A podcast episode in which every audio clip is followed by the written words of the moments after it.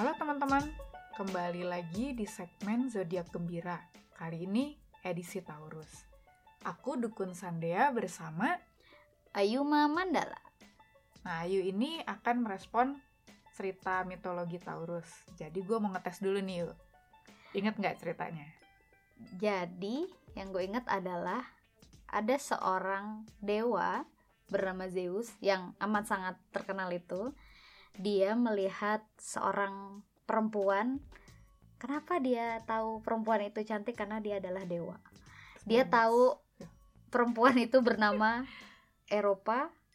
Eh. Benar Eropa. Bener kan? Ah, Eh, kemudian si Zeus eh, pengen deketin tapi tidak dengan wujudnya. Jadi dia merubah dirinya menjadi seekor banteng berwarna putih. Lalu dia hampiri dan ternyata eh, dia tidak seperti kebanyakan banteng pada umumnya. Dia jadi kayak eh, lemah lembut dan Hmm. baik dan akhirnya mencuri perhatiannya Eropa dan dia diberi kalung tanda Eropa juga senang. Terus Eropa kemud- percaya. Oh, Eropa percaya. Yang sudah memodusinya itu. Terus eh, ceritanya berhasil dimodusin si Eropa eh, diajak pergi yang mana adalah sebenarnya bukan diajak pergi alias diculik. Iya. diculik ke pulau lain. Ah, nah, pulau. di sana kemudian si Zeus menampakkan wujud aslinya Mm. gitu. Nah, di tempat itu kemudian si Eropa eh, dijanjikan pulau yang terbentang di hadapannya yang kemudian sekarang bernama Eropa. Nah, di sana mereka beranak pinak Beranak pinak. akhirnya mereka menjadi pasangan eh perselingkuhan. Iya, jadi pokoknya di salah satu simpenannya Zeus si Eropa itu. Ya. Jadi emang pas di situ diiming-iminginnya sama Eropa eh sama Zeus semua daratan yang bisa dilihat Eropa itu bisa untuk Eropa. Nah, itu kita tahu itu sebagai Oh. Itu Eropa. mas kawin sekarang. gitu ya. Mas kawin ceritanya. Iya, iya, iya. Ini kayaknya dua edisi temanya mas kawin mulu ya. Yang kemarin mas Iya. kawin domba ini sekarang Mas kawinnya ini benua daratan. Eropa. Heeh. Maulah Iya, sama gitu. Zeus eh enggak deh. Oke. Ya begitu. Nah, terus Itu sudah betul? Betul, Wih. ya betul, ya ya oke lah. Nah terus udah gitu sekarang gue pengen tahu cerita tentang karyanya nih. Yuk. Nah, jadi dari mitologi yang sudah gue dengar eh, berbulan-bulan ini, terus gue juga sambil browsing-browsing cari-cari tahu kira-kira eh, penyimbolan-penyimbolan apa yang pas sebenarnya sama cerita ini. Jadi yang pertama, yang paling khas sebenarnya dari sosok Taurus adalah kan si banteng, gambar bantengnya. Mm-mm. Jadi pertama yang paling menonjol dari karya gue adalah gambar banteng. Mm-mm. Ah, jadi gua gambar banteng dan karena gue spesialisnya gambar mandala, jadi sebenarnya nanti kalau dilihat itu seperti mandala sih sebenarnya bentuknya Mm-mm. gitu. Nah si banteng akan ada di senternya dan bentuknya cuman kepala banteng dengan kelihatan lah wajahnya, tapi tetap ada mandala di dalamnya berwarna putih. Nah lu jelasin dulu mandala. Mandala tuh persisnya apa sih gitu? Mungkin ada Eh, yang Mandala sebenarnya bukan budayanya orang Indonesia. ah, Ah, yang pertama meng- membuat mandala adalah orang-orang eh, Tibetan Hindu mm. di eh, negara-negara seperti Nepal itu. Nah, mandala itu sebenarnya simbol alam semesta Mm. alam semesta. Nah, kalau Tibetan mandala, mereka gambar mandalanya bukan pakai pulpen kayak gue, bukan pakai jelly roll atau akrilik atau apa Hmm. gitu, tapi pakai pasir. Mm. Jadi itu jadi kayak rangkaian ibadah yang harus dipersiapkan eh, sampai selesai diawali dengan membuat mandala, kemudian eh, beribadah, terus kemudian kalau udah selesai tuh mandalanya dihapus tuh semuanya. Karena Mm. eh, memang buat mereka memang gak ada yang abadi gitu. Nah, proses membuat mandalanya tuh bener-bener pasirnya tuh sama dia ditambang dari batu, dia hancurin, Mm. terus kemudian dipilah, dikasih pewarna warna-warni, Mm. terus dibikin kalau misalkan kita susah ngebayanginnya, lihat candi Borobudur dari atas. Itu sebenarnya oke. salah satu gambaran mandala yang ada di Indonesia Iya, iya, iya. Nah, kalau Tibetan Mandala itu selalu ada pola-pola seperti universe. Jadi ada pintu masuknya, Hmm. ada utara tuh maksudnya apa, selatan maksudnya apa, terus ada area penjaga. Jadi sebenarnya kayak kerajaan kehidupan gitu. Nah, kalau mandala dalam versiku sebenarnya kurang lebih hampir gua nggak tahu maksudnya apa dulu. Lah. gitu. Ini mau diceritain sekarang apanya yang mandala gua. oh iya iya tuh Nah, jadi kalau cerita mandalanya gua itu kalau ada cerita orang tiba-tiba bangun tidur bisa main piano, gua pernah tuh ada cerita gue pernah denger nah, gua itu da, tahun 2016 tiba-tiba bisa minggir mandala pada Wih, saat hamil oh gitu. Maksudnya gue suka gambar, tapi Hmm. gue bukan artis seniman yang tiap hari gambar, belajar khusus ke seni rupa dan lain sebagainya. Jadi kondisinya gue hamil baru tahu udah sekitar 6 atau 7 minggu.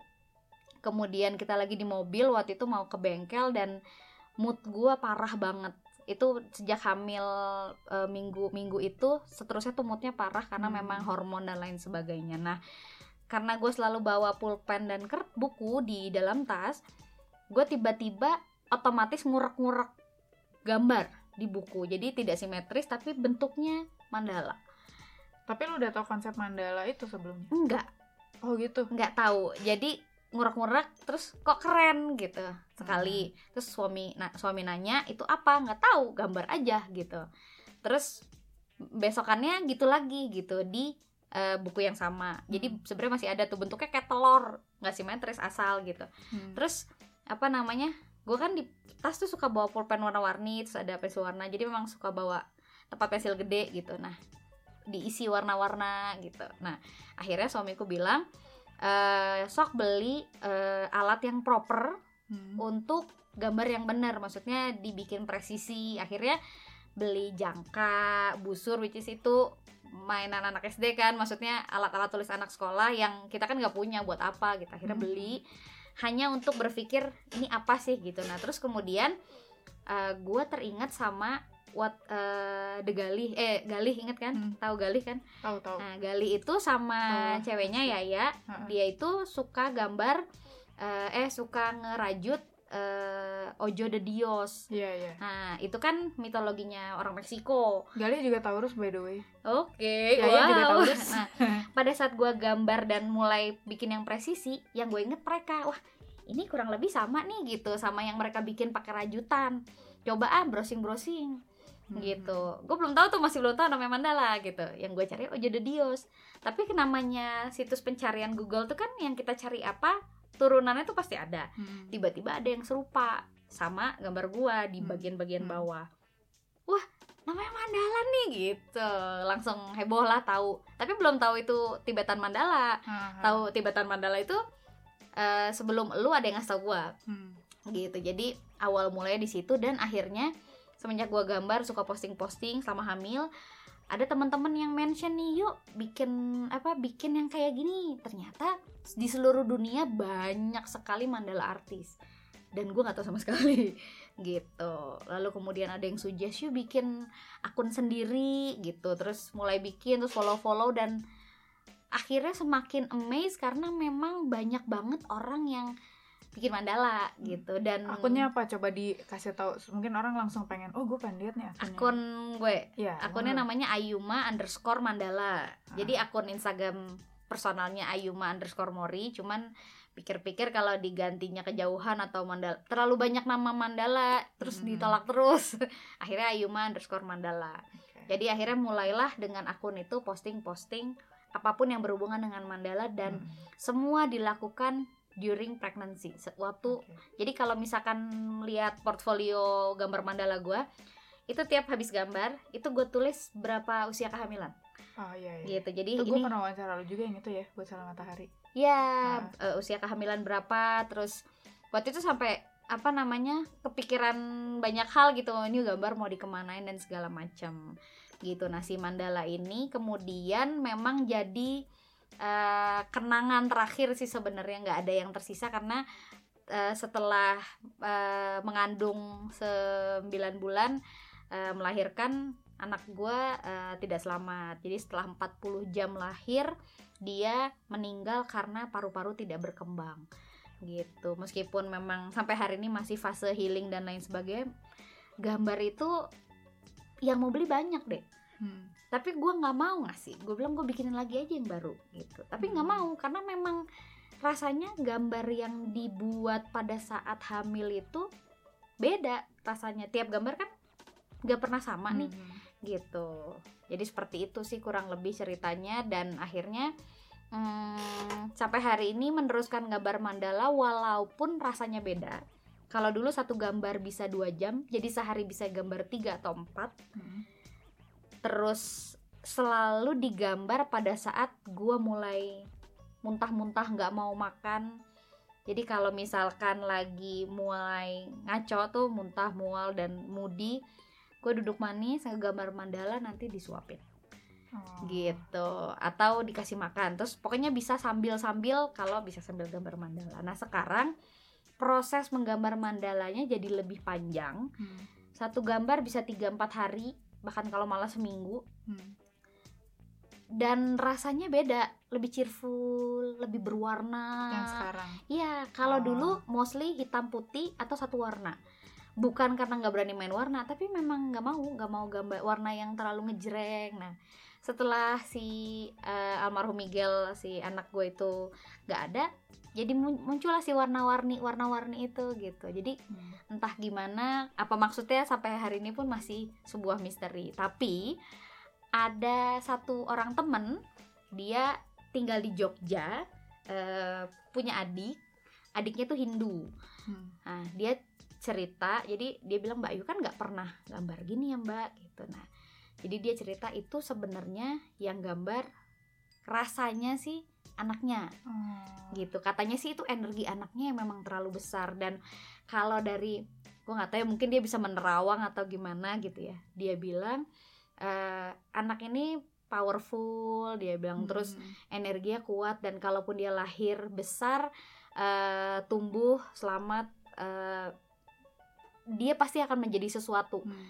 tapi energinya itu mungkin akan lebih besar daripada si ibu hmm. makanya alam semesta dia dia ngomongnya alam semesta hmm. alam semesta uh, ngambil dia gitu supaya hmm. kemudian energi gue nggak keambil sama si anak oh. gitu bisa oh. jadi katanya bisa jadi buruk atau apa segala macam ya walau alam lah nggak tahu gitu terus uh, sekarang masih bisa gambar nggak ditanya ya masih bisa kan keinget caranya hmm. tapi rasanya udah beda hmm. gitu tapi kemudian jadi teringat pada saat dirimu bilang yang tadi disebutin itu uh, Oh, filosofi iya, mandala iya. itu boleh diulang lagi oh, iya. tuh gue nah, harus ngekuat tuh kayaknya. Ini juga teman-teman sebenarnya ini banyak banget yang ajaib ya dari dari di gue ngajak Ayu untuk bagian Taurus ini pertama Ayu itu Libra hmm. pertamanya gue ngajak karena Mandala itu konsisten kayak Taurus terus udah gitu Libra sama Taurus itu sama-sama dikuasain Venus hmm. tapi ternyata dalam perjalanannya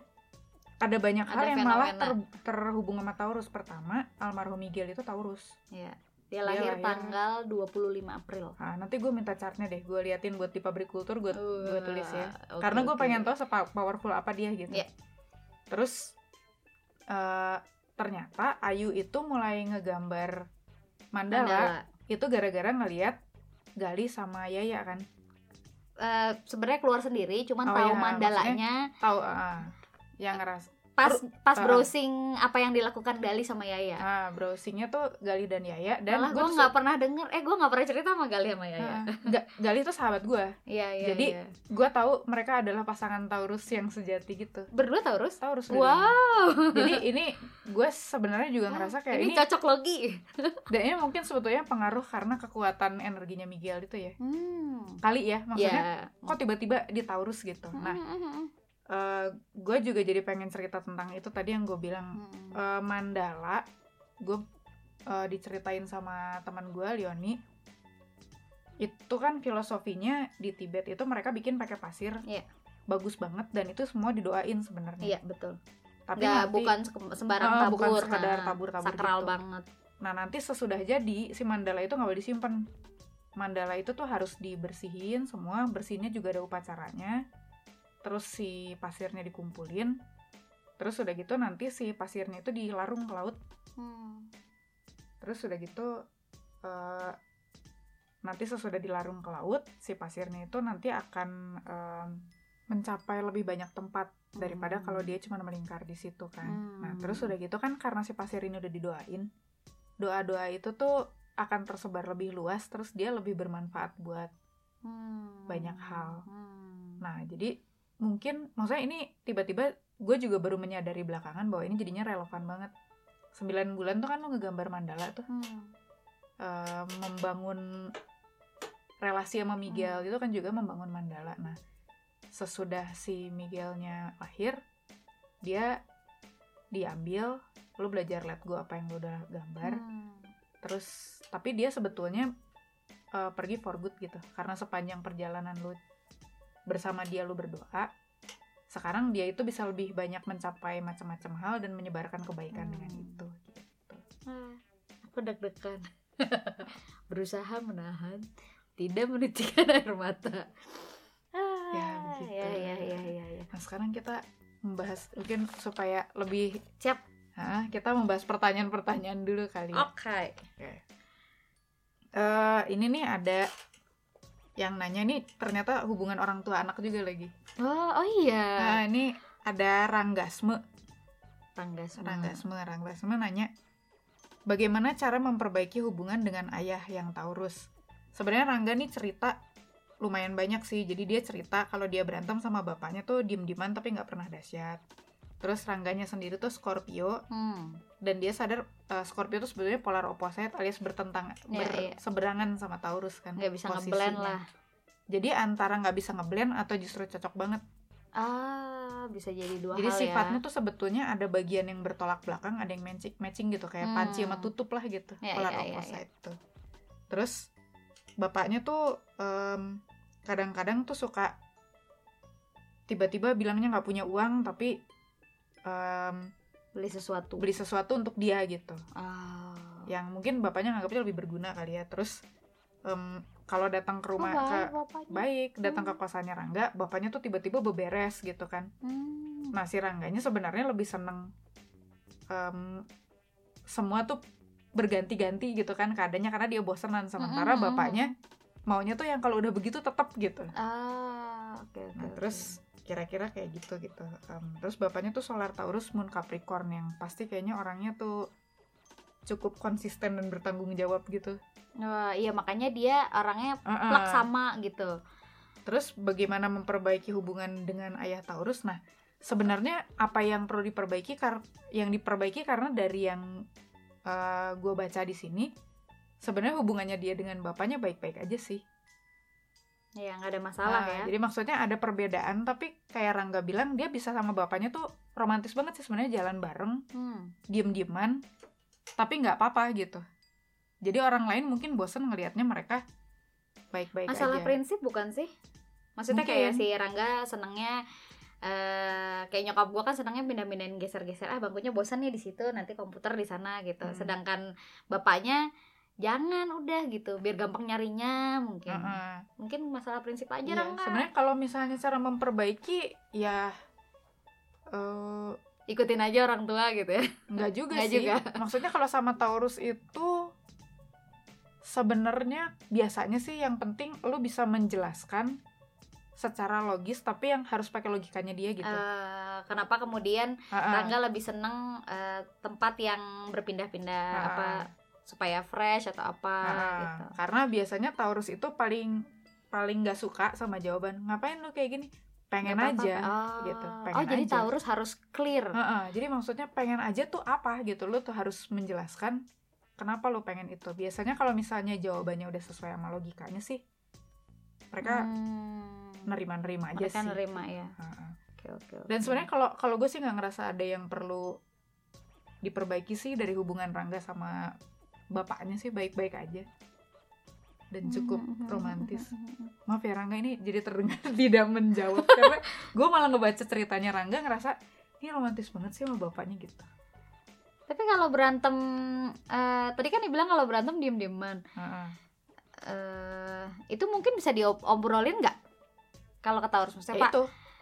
Kalau mau diobrolin, pikirkanlah yang sesuai dengan Hmm. logikanya bapaknya gitu. Kita jangan diem dieman lah pak. Yuk kita ngobrol Nah, gitu. dan mungkin mungkin sebenarnya juga Rangga kan Scorpio nih. Mm-mm. Scorpio kan unsurnya air. Biasanya air itu kan lebih ya nanti lu tahu sendirilah gitu. Harusnya ngeblend gak sih? Air kena tanah kan nyerap Hmm.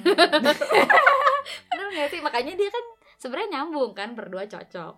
Cuman prinsip-prinsip gitu. Ya sama daripada sama angin sebetulnya mungkin lebih sama tanah. lebih baik sama tanah. Jadi kalau kalau di nah mungkin Rangga berharap bapaknya nebak-nebak kali ya.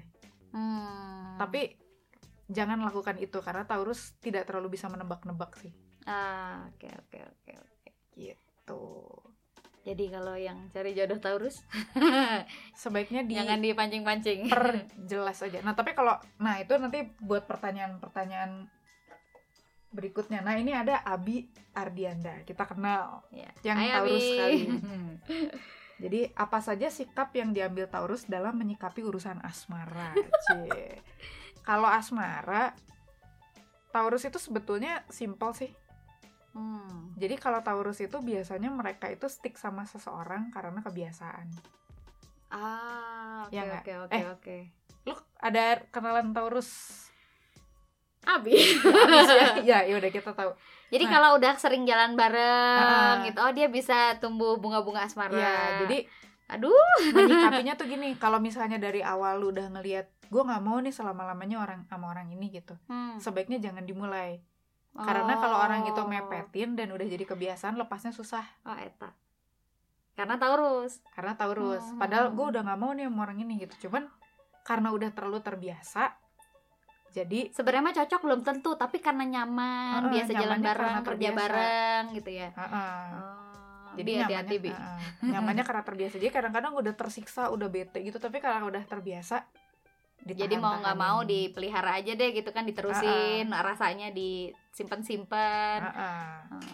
gitu Gitu. dia terus ngambil sikapnya berarti yang pertama tadi itu ya. Pokoknya jangan dimulai aja kalau kira-kira ah iya. jangan mercikin api asmara. Mm-mm. tapi kalau ketemu di kantor gimana?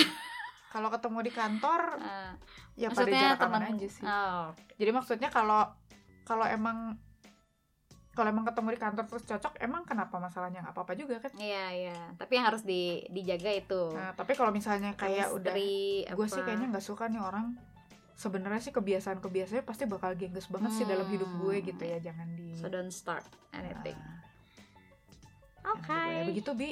Nanti yang kalau mau tanya lebih lengkap lagi sampai ketemu ketika kita Kamis. ketemu CSWC terus ini ada eh ini sebenarnya ada yang rada nyambung. Nanti ingetin gue balik lagi ke sini ya. Eh, ada Ernie Sondang ini dia nanya Taurus berapa lama bisa move Wow. on dari mantannya? Gitu. Ini bisa buat Abi juga berarti ya. Nah, sebenarnya selama mereka belum punya kebiasaan baru baru mereka nggak akan move on.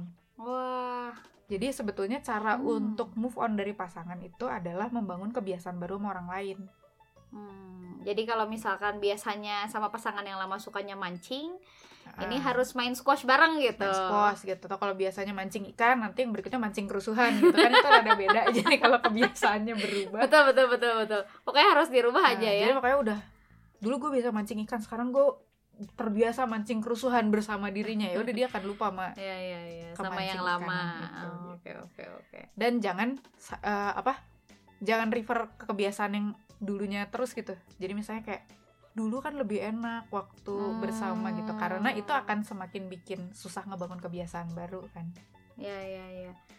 Tapi emang Taurus akan selalu kayak gitu ya? umumnya sih begitu Hmm. meskipun biasanya itu bergantung lagi sama posisi Venus sama rumah ketujuhnya apa di orang karena Venus sama rumah ketujuh di- kalau dilihat chartnya lengkap Hmm. itu berhubungan sama relationship sama percintaan gitu Oh, I see, I see. Tuh. Kompleks ya si Taurus ini ya. enggak sih sebenarnya Taurus itu cukup sederhana sih orangnya Iya, tapi maksudnya kalau eh, kadang-kadang kan ada orang yang udah gue tuh sukanya ini gitu. Udah nyaman ngelakuin ini gitu. Mm-mm. Terus dia nggak mau merubah kebiasaannya tapi mau move on. Kan susah. iya sih maksudnya move on move on dari Uh-uh. relationship tapi dia nggak mau ngerubah kebiasaan yang pernah dilakukan bersama misalnya mungkin mereka kadang-kadang nggak sadar karena mereka terlalu nyaman sama itu terus nggak sadar bahwa yang harus diubah tuh kebiasaannya Hmm. karena kadang-kadang kalau soal perasaan sih nggak terlalu gitu lebih ke kebiasaannya sih Ya, ya, ya. beda sama nah ini kalau tadi balik lagi ke Rangga Rangga Scorpio kan Mm-mm. kalau Scorpio tuh sebaliknya biasanya mereka kebiasaannya bisa apa aja tapi attachment di dalam dirinya tuh Oh. itu itu yang lebih susah kalau Taurus dia sih nggak baper-baper banget sih sebenarnya Hmm. umumnya gitu malah justru lebih ya itu stick sama satu orang nah, ah, yang sama sama satu orang gitu. Sip, sip, sip, sip. nah terus ini ada Natasha Damen nanya. Coba ini kebaca nggak sih tulisan gue? Coba lo yang baca. Kenapa Taurus itu rata-rata mager atau rumahan banget dan cenderung matre? Emang iya? Eh iya ya? Eh iya nggak sih? Ya. Eropa aja. Eropa iya iya sebenarnya matre ya ya Oh. ya tapi dia terpaksa matre sih soalnya udah dia udah dibawa ke pulau terpencil gitu Iya, iya, sama iya. si dan Zeus. Sudah merubah wujudnya wah Zeus nih gitu ya Heeh. nah sebenarnya kenapa sebenarnya itu karena balik lagi karena Taurus itu kan nggak suka keluar dari kebiasaan hmm. jadi kalau misalnya dia di- Ah. udah terbiasa di rumah gitu terus eh, udah si Natasha ini sama- Taurus Natasha nih kayaknya Sagittarius oh deh. tapi dia nanyain Taurus aja Heeh. ya kalau nggak salah waktu itu dia bilang Sagittarius tapi risingnya apa gitu Hmm. atau moonnya apa nah jadi gitu Taurus karena dia udah terbiasa banget sama rumah mungkin jadi dia males mencari suasana yang asing gitu Iya iya iya. terus kalau matre sebenarnya mungkin lebih karena satu realistis Hmm. jadi mereka tuh nggak mau melakukan sesuatu yang eh, nggak pasti gitu Hmm.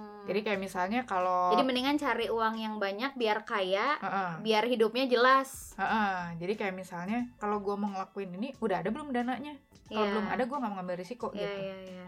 terus sama mereka tuh kadang-kadang terkesan matre karena mereka punya tuntutan keindahan yang tinggi itu loh Iya iya iya. jadi iya, segala iya. sesuatu tuh harus harus bagus gitu loh taste-nya Hmm. jadi kadang-kadang sebenarnya bukannya harus mahal juga tapi harus bagus kualitasnya Iya iya. tapi itu kan biasanya jadi mahal deh Ya makanya lo bilang si Taurus nih seleranya eh tinggi cakep gitu. Kayak si Abi nih kan cara iya. berpakaiannya tuh gue nggak sanggup deh kalau jadi Abi. Abi tuh teman kita eh, saudara-saudara sekalian yang apa gaya sekali deh orangnya Iya dia mau di kesempatan apa, gue suka banget sama cara dia dress up gitu. Heeh, Dan selalu kelihatan cantik dan enak dilihat, tapi nggak berlebihan ya. heeh. Tapi terlihat looks gitu. sabu dong Heeh. eh kita nyebut merek ya udahlah Biar abis ini jajanin kita ya, kita puji-puji. ya bener jadi warnanya kan nggak pernah yang gonjreng-gonjreng tapi oke aja Iya gitu iya benar benar. Mak- Tapi orang-orang yang mungkin tidak biasa kayak kayak gue kan cuman kaosan gitu. Meren kalau ngelihat yang kayak gitu, ah dia mah materialistis gitu. Barangnya harus yang eh, kelihatannya looks gitu. Kemejanya kudu put put baju putih putih itu kan kadang-kadang kesan sederhana tapi sebenarnya kalau gue ngeliatnya kayak tetap harus kemeja putihnya harus kemeja putih yang jatuhnya bagus di badan. Iya benar. Bukan kemeja putih sekolahan Yang- kan? eh, Nah, yang bahannya silk mungkin. Heeh, ya ya ya. Begitu. Nah terus berikutnya. Empat pertanyaan. Heeh. ada Tinggal pertanyaan dua lagi. dari ini gue perlu sebut namanya nggak ya? Pokoknya dia dia nanya gimana cara ngehandle bos yang zodiaknya Taurus? Wih. Jadi ini, ini lucu banget deh pertanyaannya. Bos gue lahirnya tanggal 20 Mei. Jadi kayaknya dia Rusmini. Alias Taurus Gemini. gue pikir namanya nyindir. dong Suka nyindir. Oh. Nah, soalnya 20 Mei itu memang khas. Jadi dia ada di antara Taurus Gemini. Jadi dia memang punya sifat yang setengah kayak Taurus, setengah kayak Aduh. Gemini. Gitu. Jadi sebenarnya umumnya Taurus itu eh, nggak suka nyindir sih. Taurus itu biasanya justru lebih jebret-jebret gitu loh. Jadi kalau dia nggak suka dia akan langsung gini loh gue nggak suka karena ini A B C D gitu segala Hmm. macam mungkin memang dia suka nyindir karena rusmininya itu.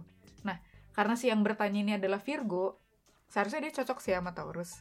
Oke. Jadi gimana cara ngehandle bosnya sih harusnya ya kan harusnya sepikiran ya si Taurus ini terencana segala macam tapi mungkin permasalah rus permasalahan rusmininya terus itu ya. Kacangin si aja. nyindirnya ada di Gemininya Iya mungkin mungkin ya nggak tahu kan kita Heeh. nggak tahu dia Merkuriusnya di mana dan Oh, chartnya keseluruhan kayak apa harus tapi dilihat.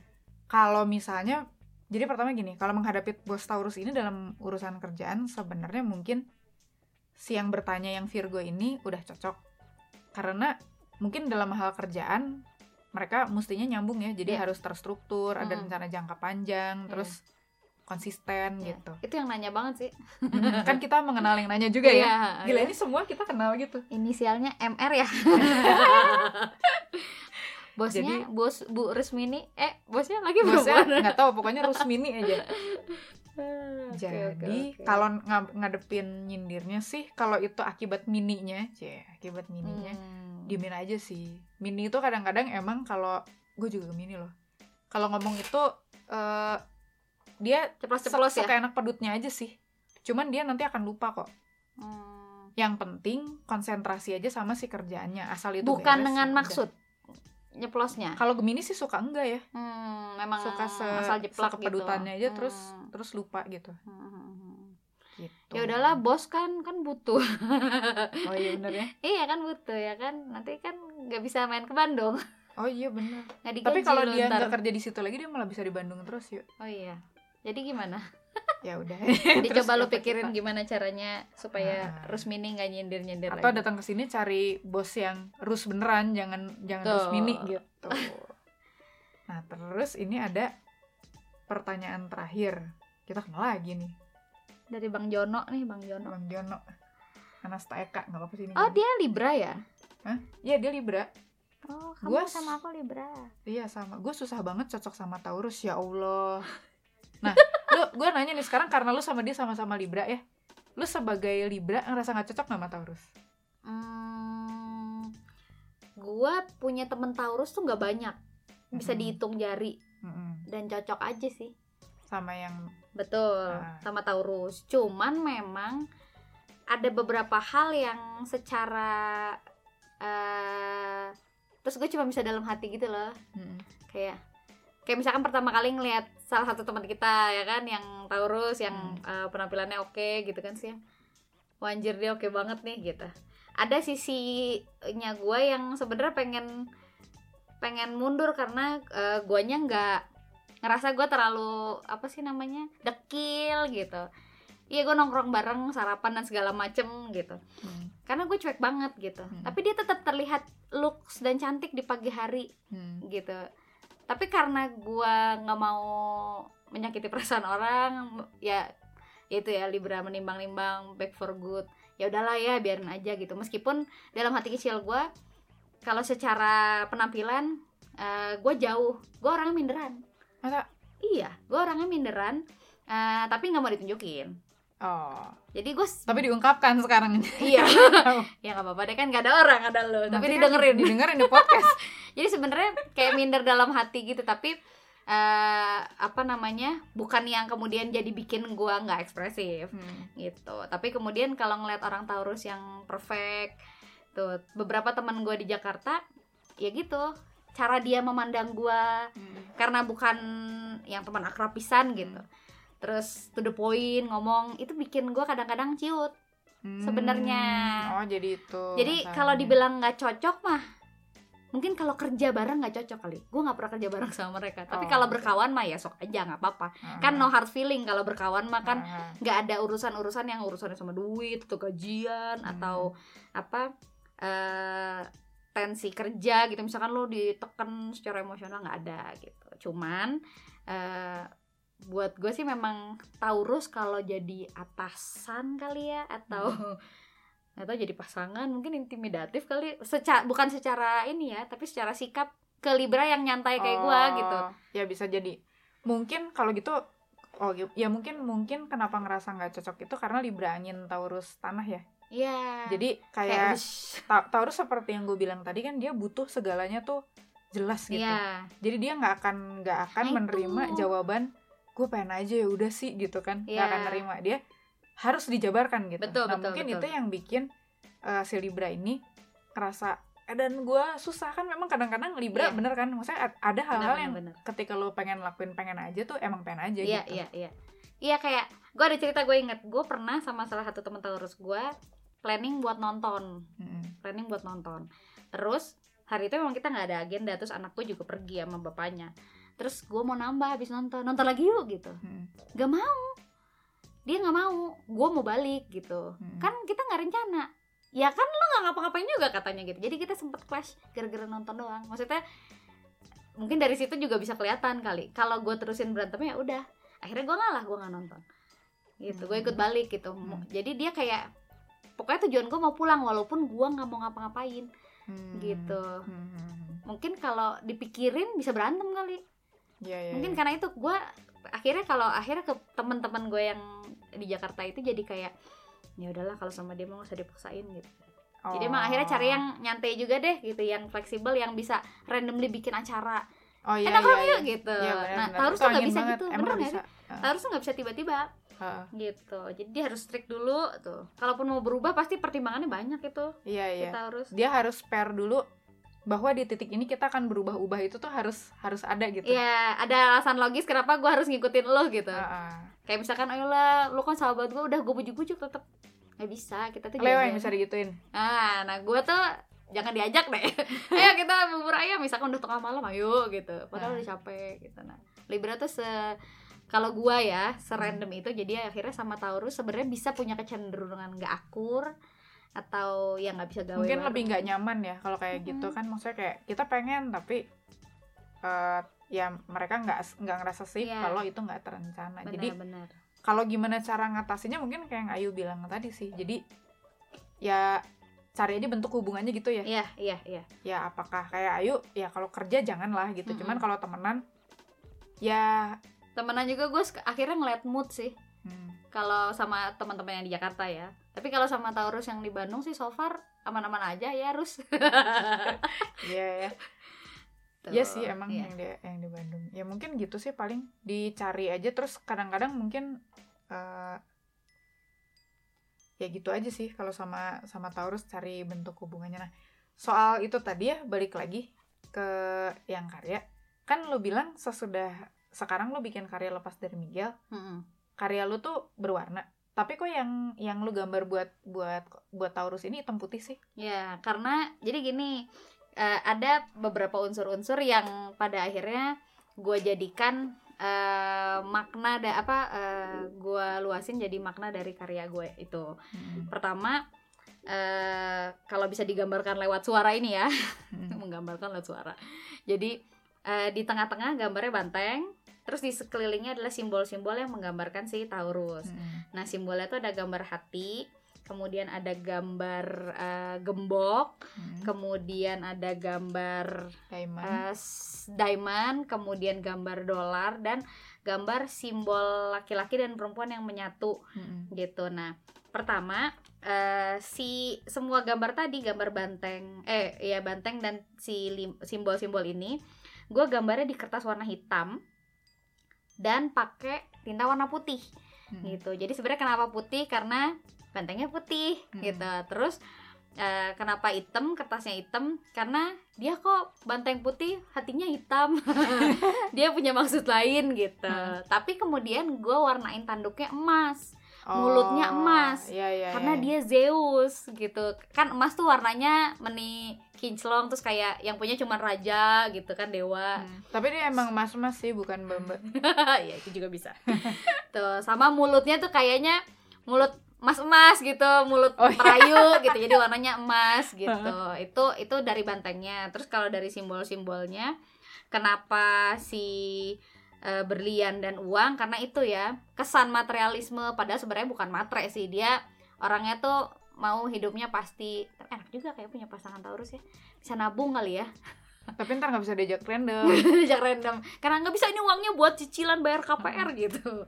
Terus udah gitu eh, jadi si dua simbol itu buat gue sih karena eh, eh, dolar menggambarkan uang tapi berlian itu ngegambarin sesuatu yang kayak tipe ngumpulinnya dia kayak nempak gitu nggak sih bukan Nempak. yang maksudnya kayak kalau libra kan nyantai nih nyari duitnya gitu kalau Hmm. dia tuh bener-bener sus apa tetap gitu ngumpulin sampai jadi berlian gitu uh, ya dia kan emang harus kalo, meniti ya iya iya kalau yang gue nah kalau si berlian itu kan Nabung kan gitu. kalau dari maksudnya yang sering gue baca di mana-mana si berlian tuh kan makin di asah tuh makin jadi kan. Mm-hmm. si diamond makanya gue gambarin diamond. Terus mm-hmm, hatinya itu bentuknya bukan hati merah gitu enggak. Jadi hatinya gue bikin setengah uh, diisi mandala setengahnya lagi warnanya emas. Jadi tetap hatinya si Zeus tapi di tengah tuh ada retakannya gitu. Jadi ya. walaupun hatinya emas tapi dia membuat hati perempuan retak.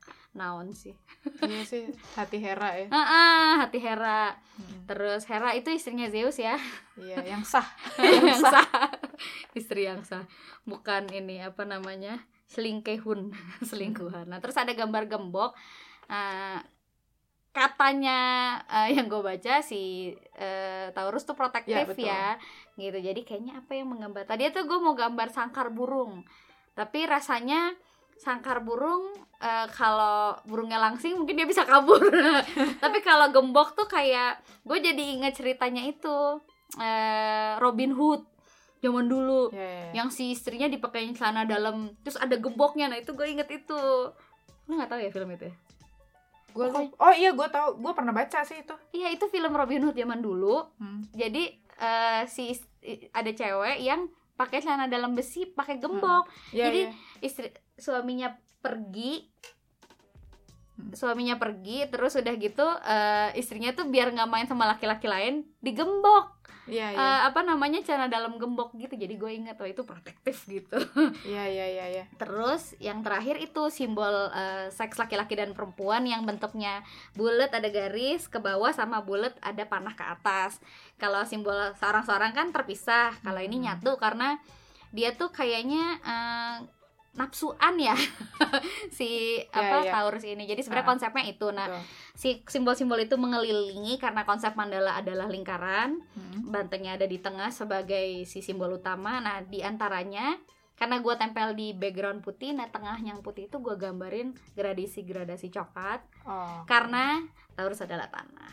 Begitu. Oh. Nanti di foto dilihat ya. Ini kan kalau misalnya dengar di sini agak uh, bingung ya nggak kebayang gitu. Uh, tunggu aja nanti dia bakal diposting di at zodiak gembira yeah. atau di Ayuma Mandala Siap. dan ceritanya bakal diceritain di pabrikultur.com di situ juga bakal ada foto-fotonya. Siap. Gitu. Nah berhubung waktunya udah mau habis jadi um, kita pamit aja dulu. Aku Sandea saya Ayuma Mandala kita pamit dan ketemu lagi di segmen berikutnya yang tentang Gemini. Terus Zodiac Gemini, which uh, is ah, yourself. Ya gue ya. Uh. Sama jangan lupa dengerin eh, segmen-segmen lain di Potluck Podcast. Ada Cinema Paradisco yang tentang film, terus hmm. ada dua sejoli, dua sejoli. Aku tahu itu. Ya suami istri. Badut romantis. Betul, sama Time Stopper. Oh. Terus udah gitu ada yang Potluck Podcastnya sendiri yang isinya tentang seniman itu yang di host sama R Hakim. Hmm dan lain sebagainya. Wah, ramai sekali. Ramai, makanya simak terus sih channelnya. Siap. Sampai ketemu teman-teman. Dah.